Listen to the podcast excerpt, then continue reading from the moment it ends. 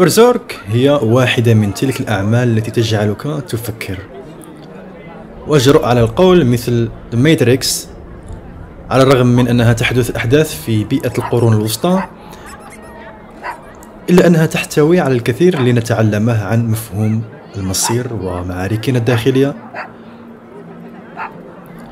على الرغم من طبيعتها الدامية القصة وموضوعها القاتم إلا أن بيرزورك عميقة حقا في تطور شخصيتها وما يبدو أنه بطلها المناهض للأبطال العاديين الذين تعودنا عليهم جاتس.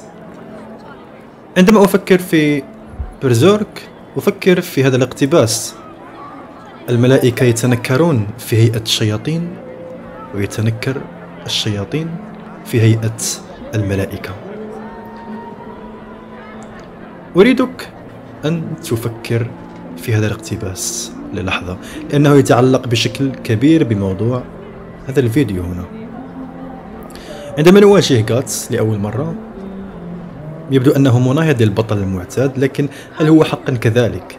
يسمونه بالسياف الأسود هذا المقاتل الوحيد يسافر في كل الأرض بحثا عن الرجل الذي خانه ثم لدينا جريفيث هذا الشخص الجميل الذي يشبه الأنثى أو المرأة تقريبا. جريفيث لديه جيشه الخاص ويبدو حكيما وذكيا والجميع يتطلع إليه ويساعده في تحقيق حلمه. الجميع يعيش من أجل جريفيث. كما هو الحال مع جاتس الذي هو مجرد مصدر القوة بسيف كبير الحجم ونراه لا يهزم من الشياطين. لاحقا بعد ال arc التالي أو نحو ال arc الثاني نرى تغييرا في كلا الشخصيتين. في ال arc الأول عندما يهاجم جنود جريفيث جاتس نرى قوة جاتس وكيف يمكنه استخدام سيفه الطويل جدا بالنسبة لحجمه؟ جاتس فقط أراد أن يكون بمفرده كان مرتزق. وهو يريد فقط أن يتقاضى راتبه ويأكل وينتقل إلى المهمة التالية. يريد جاتس البقاء على قيد الحياة وعيش حياته في عالم القرون الوسطى هذا الذي يعيش فيه خطر دائم. عندما يرى جريفيث قوة جاتس يبدو جريفيث ممتلئ بالجشع. يرى جريفيث في جاتس كأداة لتقديم حلمه بأن يكون له يوما ما مملكته الخاصة. لم ألاحظ في ذلك في البداية واستغرق الأمر بضع مرات من القراءة لأدرك ما كان سيحدث. لكنني بدأت في اللحاق بالركب وأرى لاحقا ما كان يحدث مع كل شخصية.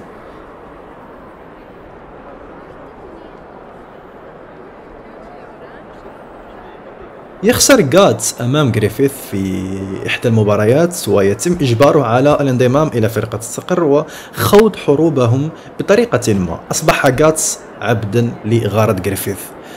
مع ذلك بمجرد أن يساعد جاتس جريفيث في الفوز بالحرب من أجل دولدري يدرك جاتس أن هناك ما هو أكثر في الحياة من مجرد تلويح بسيفه في المعارك.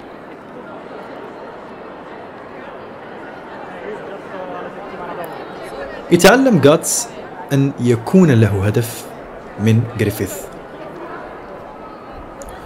وأخيرا عندما قرر جاتس ترك فرقة الصقر تحداه جريفيث في مبارزة كوسيلة للعبور إلى حريته جاتس يفوز في المبارزة بالطبع ويترك جريفيث محطما.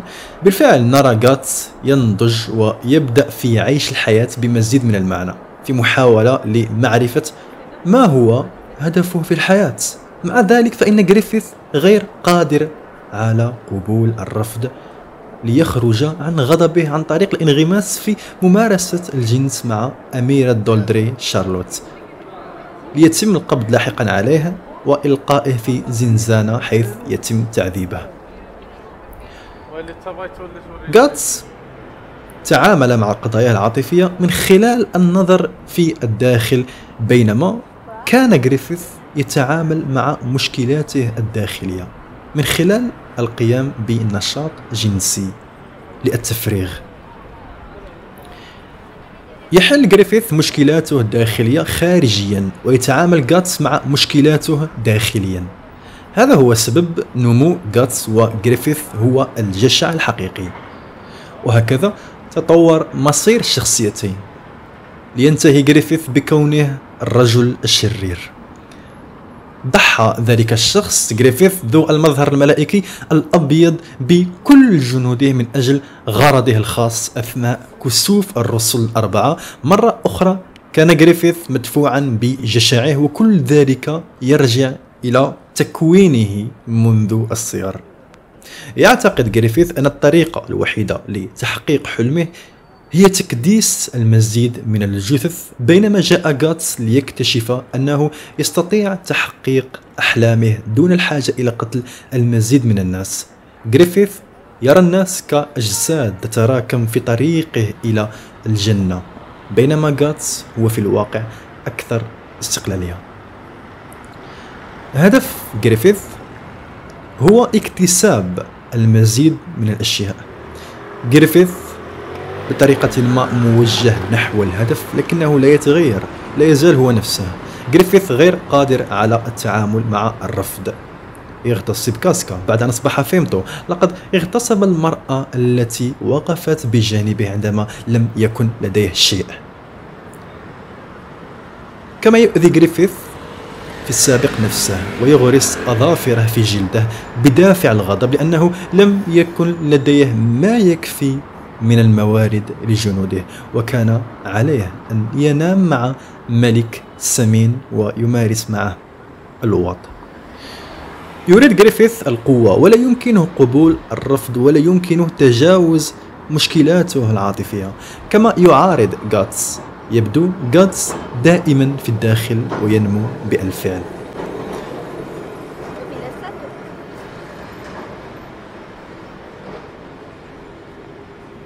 تتنكر الملائكة في هيئة الشياطين وتتنكر الشياطين في هيئة الملائكة. تحياتي.